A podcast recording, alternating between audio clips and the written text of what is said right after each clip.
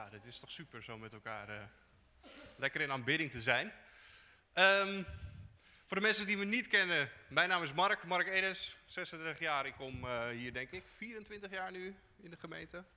Eh, meestal ben ik achter de camera's te vinden. Ehm, ik hou er nooit zo van om op de voorgrond te treden. Ehm, maar vandaag had ik zoiets van, ik wil, ik wil eigenlijk wel iets met, met jullie delen. Vandaar dat ik hier sta. Ehm, ja, ik wil eerst met jullie in, eh, gebed gaan voordat, eh, voordat ik ga beginnen. Lief vader, dank u wel, Heer, dat we zo eh, met elkaar hier aanwezig mogen zijn, Heer. Heer, ik wil u danken dat we dit, dit, dit, dit mogen doen met elkaar. U eer, Heer. Ik wil u vragen, wilt u, wilt u bij me zijn? Wilt u ja, onze harten op u gefocust hebben, Heer, en eh, ja, bij ons zijn vanavond. Dat vraag ik u in Jezus' naam. Amen. Ehm, ik heb de opleiding eh, maatschappelijk werk gedaan, ook afgerond. Vervolgens niks meer gedaan verder, maar eh, goed, het heeft wel een aantal dingen heb ik eh, meegekregen. En een van de dingen die mij eh, werd verteld was een, van een docent. Een docent van me die eh, gaf psy- psychopathologie. pathologie. Ehm, heeft verder niks te maken met het verhaal, maar die kwam op een gegeven moment met een verhaal wat, eh, wat nou ja, nog steeds is blijven hangen. En ehm, ze vertelde eigenlijk dat zij in haar familie standaard, dat was bijna een soort ritueel, elke kerst kwamen ze met elkaar om te eten en elke kerst was dat met een grote kalkoen. Een kalkoen dat werd altijd geplaatst op eh, het midden van de tafel. En eh, ik ga wel rondlopen jongens, dus meestal is het goed eh, gefocust houden. Ehm, ja, die kalkoen dat was een belangrijk onderdeel van, van dat feestmaal wat zij eh breiden. Nou, mijn docenten die vertelde dat haar moeder, die bereidde het altijd voor. En wat haar op een gegeven moment een beetje begon op te vallen, is dat elk jaar dat die kalkoen werd neergezet, maar geen poten had. Ze haalde altijd de poten van die kalkoen af. Ehm, nou, dat had ze een aantal jaren had ze dat zo gezien. En op een gegeven moment dacht ze, ik ben toch wel benieuwd waarom zij nou eigenlijk altijd die kalkoenpoten eraf haalde. Dus op een gegeven moment had ze de stoute schoenen aangetrokken en vroeg ze aan de moeder van, ja, waarom haal je eigenlijk altijd die poten van die kalkoen af? En de moeder die keek eraan en die zei eigenlijk, ik heb geen idee, mijn moeder deed dat eigenlijk ook altijd. Dus ik ben het ook maar zo gaan doen. Ik doe het gewoon op dezelfde manier zoals mijn moeder eh, het altijd bereidde. Eh, dus ze hebben gegeten en maar haar moeder die begon ook- zich ook af te vragen, ja, waarom deed die eigenlijk dat? Dus die is op een gegeven moment naar haar eigen moeder toegegaan, die zat natuurlijk ook aan tafel, die vroeg, mam, waarom deed je dat eigenlijk altijd? Die poten eraf halen. Ze zei, oh, dat was gewoon praktisch, onze oven was gewoon super klein en daardoor paste die kalkoen er niet in. Nou, sindsdien hebben ze gewoon altijd de kalkoen met poten gegeten. Nou, het grappige was dat verhaal, dat bleef bij me hangen. Ik dacht van, oh, dat is, dat is eigenlijk wel interessant. Je kan soms dingen gaan doen. eh, je leert soms dingen. eh, je bent soms super geconditioneerd. En dat je op een gegeven moment denkt van, waarom doe ik dit eigenlijk? Wat, zijn wat is de reden dat ik, dat ik deze dingen doe, deze keuzes maak, deze manier communiceer? Ehm, nou, dat is altijd iets wat, wat bij mij altijd is blijven hangen. Ehm, en eigenlijk ook altijd wel eh, ja, een thema is waar ik altijd wel vaak over nadenk. Ehm, ik wil met jullie gaan lezen uit Genesis eh, 3. Want als je het over. Ik ging het nadenken over het stukje communicatie. Waarom communiceren we op een bepaalde manier? Nou, dacht ik, als we nou eens gewoon teruggaan naar het begin. ehm, dan kun je in de, nou in de Bijbel kan je sowieso onwijs veel manieren vinden hoe gecommuniceerd wordt. Ehm, begint al in Genesis 1. Wie begon eigenlijk met communiceren? Heel goed. God was degene die eigenlijk het allereerste woord sprak. Eigenlijk de, degene die als allereerste begon met spreken. Dus hoe, hoe mooi is het als we ook gewoon terug naar hem gaan en kijken... Wat is zijn manier communiceren? Hoe is hij begonnen met communiceren naar ons toe?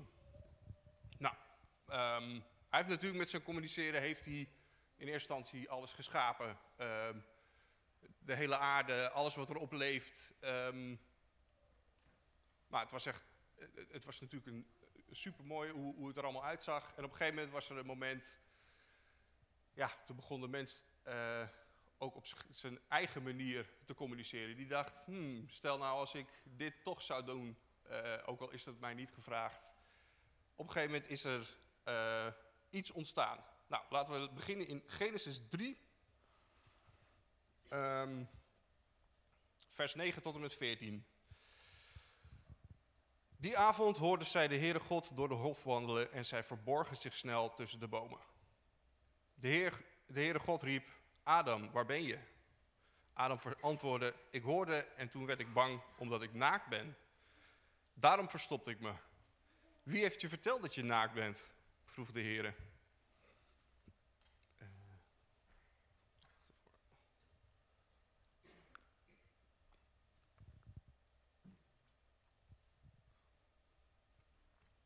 Of heb je soms gegeten van de boom waarvoor ik jullie had gewaarschuwd?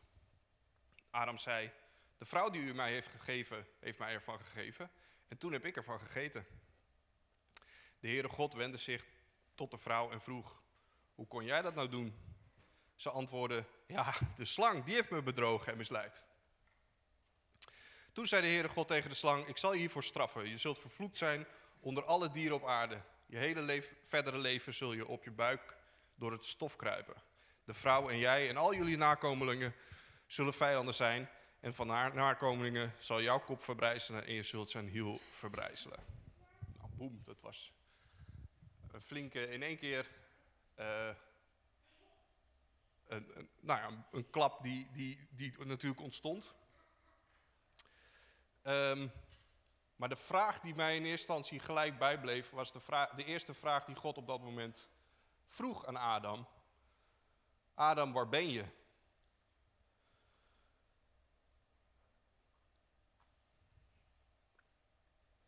Adam had duidelijk iets gedaan wat, ja, wat niet goed was, wat God juist gevraagd had om niet te doen.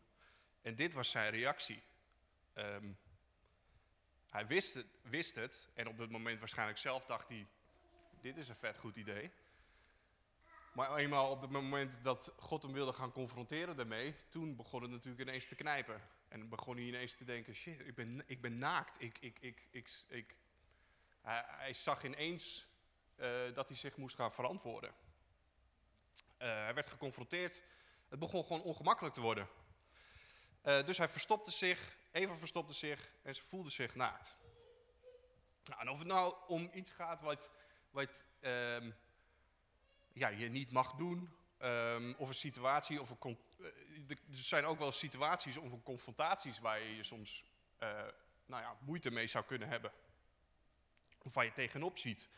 En het is altijd vervelend om uit die comfortzone te stappen. Dat je ineens, uh, nou ja, verantwoord moet staan, zeg maar. En dan komt die vraag ook ineens. Waar ben je? Uh, nou, dat is een vraag die, die, die bleef bij me hangen. Want ik, vind, ik, vond het nogal eens een goede vraag, ook naar mezelf toe. Waar, waar ben ik? Wie ben ik? Waar sta ik? Uh, waar ben jij als God naar jou op zoek is? Waar kan hij je vinden? En laat je jezelf vinden of probeer jij je te verstoppen? Waar ben je? Die vraag is niet alleen liefdevol en verlangend, maar is ook uitdagend. Waar ben je? Komt tevoorschijn. Verstop je niet in de bosjes, in je woorden, in excuses, in onvrede, in angsten. Adam en Eva deden dat wel. Die zeiden, ja, ik kon er niks aan doen. Mijn vrouw die, uh, die, die gaf mij die vrucht. En, en die vrouw die zegt weer, Nee, sorry, de, slang, die heeft me verleid om dit te doen. Het is ook een vraag naar verantwoordelijkheid. waar ben je? Is een vraag uh, om je verantwoordelijkheid op te nemen. God zoekt je op. Waar ben je? Waar ben je beland? Hoe ben je daar gekomen? Kun je hieruit komen? Je ziet het thema eigenlijk door de hele Bijbel heen. van, uh, je ziet het bij de toren van Babel, als ze de toren aan het opbouwen zijn. Um, aan Abraham vraagt God um, of hij zijn weg wil gaan en weg wil gaan bij zijn familie. Um, Aan Mozes en de Israëlieten uh, vraagt hij, waar ben je? Zitten jullie vast in de slavernij? Ik zal jullie bevrijden. Wanneer God ons opzoekt, is het de bedoeling dat we ons ware zelf laten zien. Inclusief onze fouten en tekortkomingen. God wil opnieuw beginnen met ons en ons helpen om onze verantwoordelijkheid te nemen voor onze acties. En hoewel er consequenties zijn, is er ook een hoop en begeleiding. God neemt ons serieus en laat ons ook niet aan ons lot over. Als je aan het eind van Genesis 3 ook kijkt, um, uiteindelijk wordt op dat moment ook het eerste offer uh, gebracht en worden ze, krijgt ze eigenlijk een mantel van uh, dierenvellen om zich heen. Dat is gelijk een verwijzing naar het verlossingswerk van Christus. Nou, ik was hier zo mee bezig en ik was met name bij, bij mezelf aan het zoeken hoe dit zit. En het mooie is natuurlijk, uh, je kan dat soort dingen lezen en zien en in één keer denken, oh, nu heb ik het gevonden. Um, uh, ik heb Christus gevonden en ik, uh, ja, ik heb Jezus keihard nodig. En ik, ik stap dat pad op en het is klaar. Helaas is het niet zo. Ik heb bij mezelf onwijs gemerkt de afgelopen jaren um, hoe moeilijk het is om in dat proces uh, los te weken van je eigen idee van controle. Um, ik kan soms echt 10.000 redenen bedenken om uh, uh, het zelf te gaan doen. Om te kijken hoe, hoe kan ik dit op een bepaalde manier oplossen.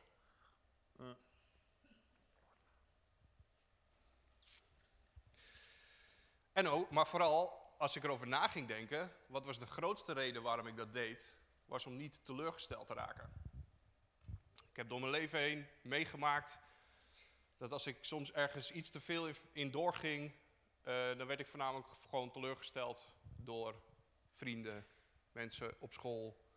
Um, maar ook uh, hier in de gemeente heb ik gemerkt, 15 jaar geleden, dat de afgelopen 15 jaar zijn er soms uh, scheuringen geweest. Ik heb vrienden weg zien gaan.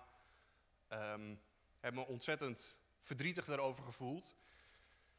En ik heb het ook onlangs, en op een gegeven moment dacht ik, dit heb ik een plekje gegeven en het zit goed. Maar eh, ik heb op een gegeven moment gesprekken met mensen gehad uh, onlangs. En ik merkte dat het nog steeds iets is wat pijn doet. Vrienden van toen, die ik nog steeds niet gesproken heb. Terwijl het wel echt goede vrienden waren. Maar vanuit een bepaalde zelfbescherming heb ik gewoon op een gegeven moment een muur om mezelf heen gebouwd. Um, en ik merkte eigenlijk gewoon dat ik de geest ook niet de ruimte gaf. Ik dacht het wel dat ik dat deed. Maar ik gaf hem niet de ruimte om uh, te werken aan mij. Mm.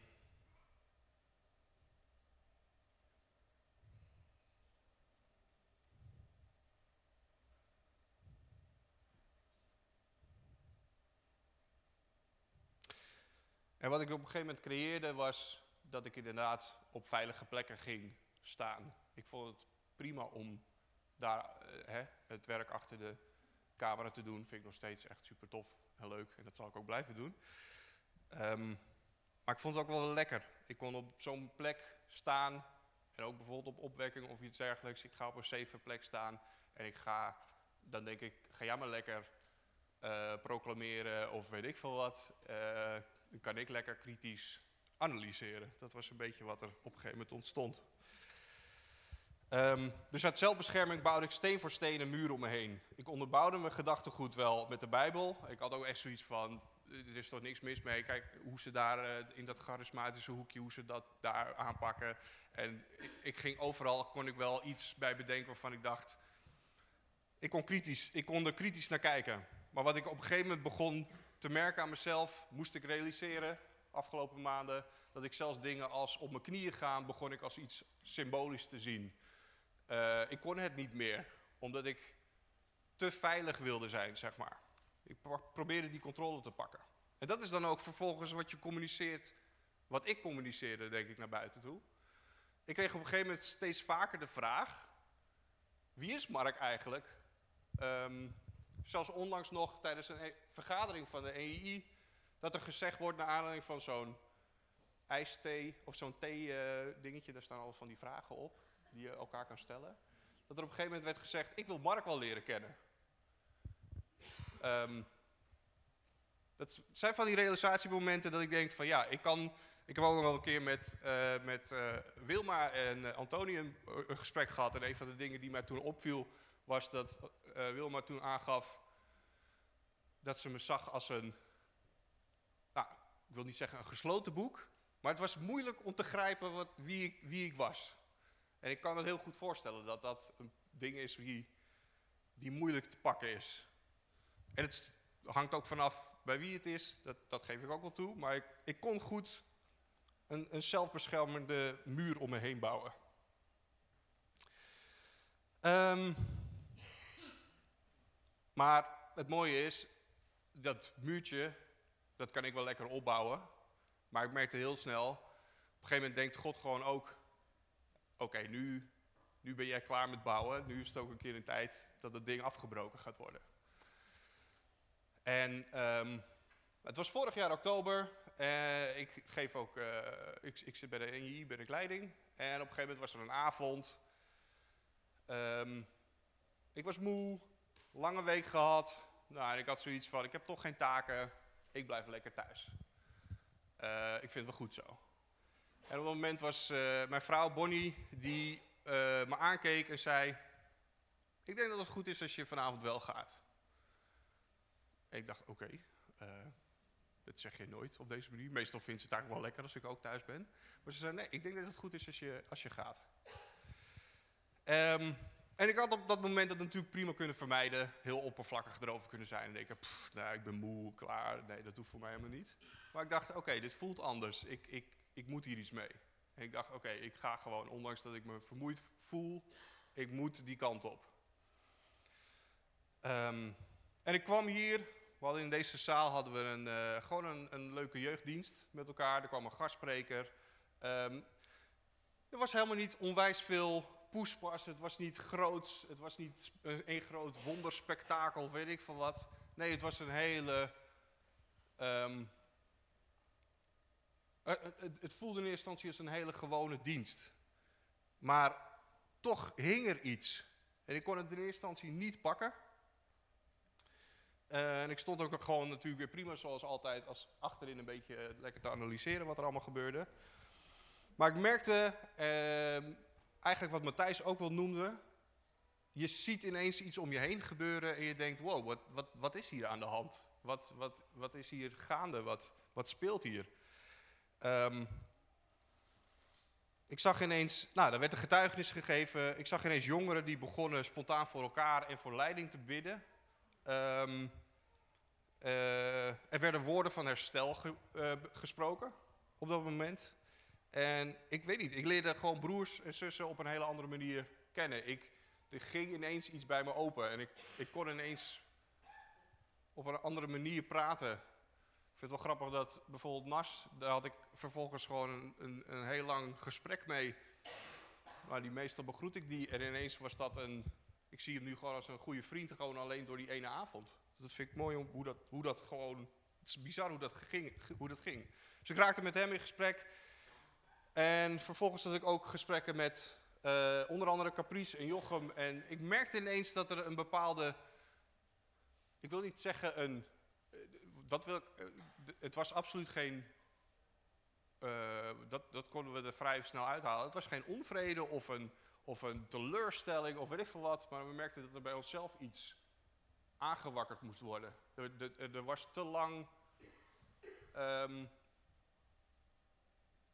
ja, ik weet niet hoe, dat, hoe je dat moet zeggen. De, de, de, in ieder geval merk ik bij mezelf, ja, er was een behoefte, een verlangen om weer voor God aan het werk te gaan. En ook al deed je dat, er miste iets in dat stukje. Tenminste, dat zo, zo, zo voelde ik het. Um, en ik besefte steeds meer hoe goed het was om dus open te staan voor, dit voor dit soort gesprekken besefte weer hoe belangrijk het is om met anderen te praten en te delen over de worstelingen, uh, de moeilijkheden waar ik mee zit. Um, en om hulp aan te bieden aan anderen toe, waar mogelijk is. Um, nou, niet heel veel later werd eigenlijk ook geopperd om zo nu en dan met elkaar misschien gewoon een aanbiddingsavond te doen. Zoals nou ja, nu doen we deze ochtend. Ehm, ik dacht van, oh wauw, dat, dat lijkt me wel tof om daar gewoon eh, iets in te kunnen betekenen. Um,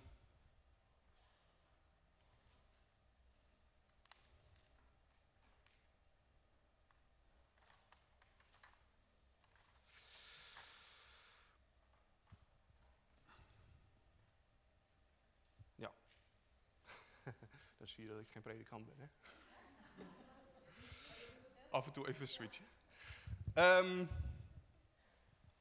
en we begonnen dat op te starten en, ik, en, en het groepje van mensen die ineens enthousiast werd omdat het, uh, om daarin mee te werken, dat werd steeds wat groter. En ineens hadden we gewoon een soort, uh, nou ja, bijna soms af en toe groepsessies, waarin we dit soort dingen konden bespreken met elkaar, konden bidden enzovoort. Het grappige is, dat zijn dingen die natuurlijk standaard altijd al konden met iedereen. Uh, maar dan merk ik inderdaad dat je, God zoekt jou in eerste instantie. Daarom ook altijd dat hij de vraag stelt, waar ben je? Maar vervolgens ben jij ook wel zelf degene die uiteindelijk daarin een antwoord moet gaan geven. Um, tenminste, zo merkte ik het. Ik moest ook die stap gaan nemen. Uh, die stap om uit die comfortzone te stappen. Um, dus ik vraag ook aan jullie.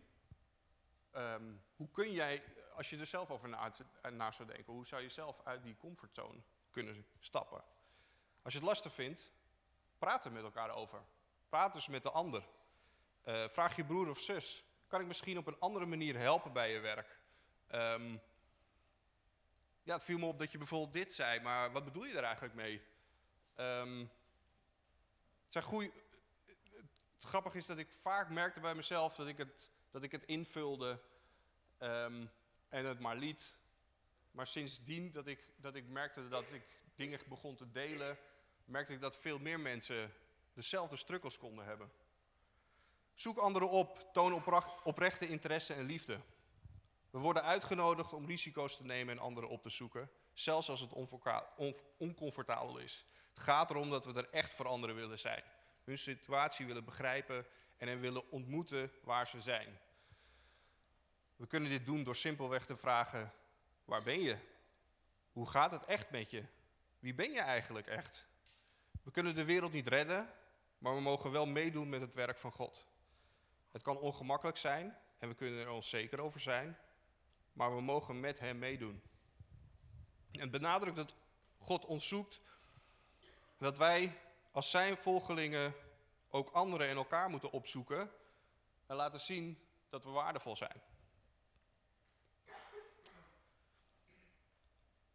Nou, misschien zit je nu met vragen, misschien heb je uh, zelf ideeën erover. Ik ben, ik ben sowieso benieuwd naar jullie verhalen. Hoe, hoe heb, uh, dus ik ga graag met jullie uh, in gesprek. um, maar misschien heb je zelf ook wel zoiets van, ja, dit zijn wel dingen waar, die, die, die ik ook wel herken. soms vind ik het moeilijk om uit die comfortzone te stappen. Soms vind ik, ja, misschien heb ik ook wel een muur om mezelf heen gebouwd. Misschien zou ik ook eens kunnen nadenken over de manier waarop ik zou communiceren. Maar we gaan sowieso lekker verder met, uh, met uh, aanbidden, met muziek maken. Um, maar mocht je deze dingen hebben, mocht je iets op je hart hebben, um, laat het ons weten. Er zijn sowieso mensen in de zaal waar je mee kan bidden. Je kan ook met elkaar gaan bidden. Matthijs die zei het ook al. Uh, zoek elkaar op. ja, en vertel elkaar waar je staat. Waar ben je? Amen.